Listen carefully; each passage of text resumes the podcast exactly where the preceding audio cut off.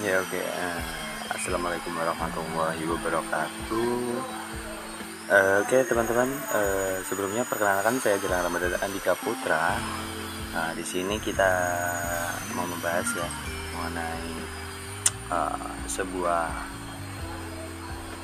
apa sih ini yang lagi tren itu kan uh, kita dilarang ya buat mudik, dilarang mudik, tapi uh, terdapat sebuah peraturan yang rancu gitu. Kita dilarang mudik tapi uh, kita boleh berwisata. Tapi tapi gini sebenarnya kan uh, penafsirannya harusnya begini kan.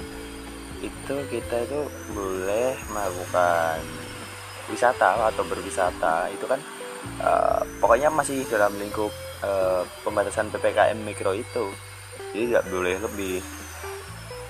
Kalau mudik kan kita pasti melewati batas ppkm mikro itu. Itu sebenarnya. Tapi kalau menurutku itu tetap aneh sih ya. Ya gimana? Kita kita kan nggak mulai mudik nih. Kan tujuannya buat apa? Memutuskan rantai penyebaran covid-19 ya.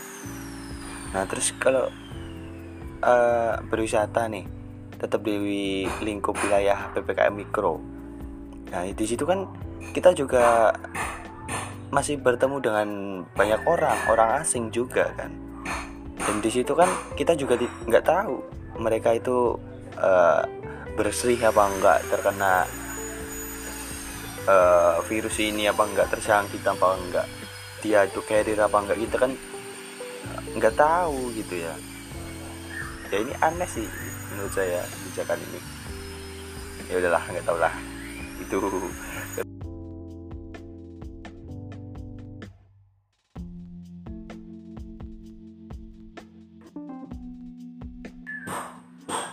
Ya begitulah. Biarkan mereka uh, membuat analisis dan uh, peraturan yang menurut mereka itu ini akan berjalan dengan efektif semoga ya. Oke okay terima kasih dari saya. Podcast singkat ini. Assalamualaikum warahmatullahi wabarakatuh. Bye bye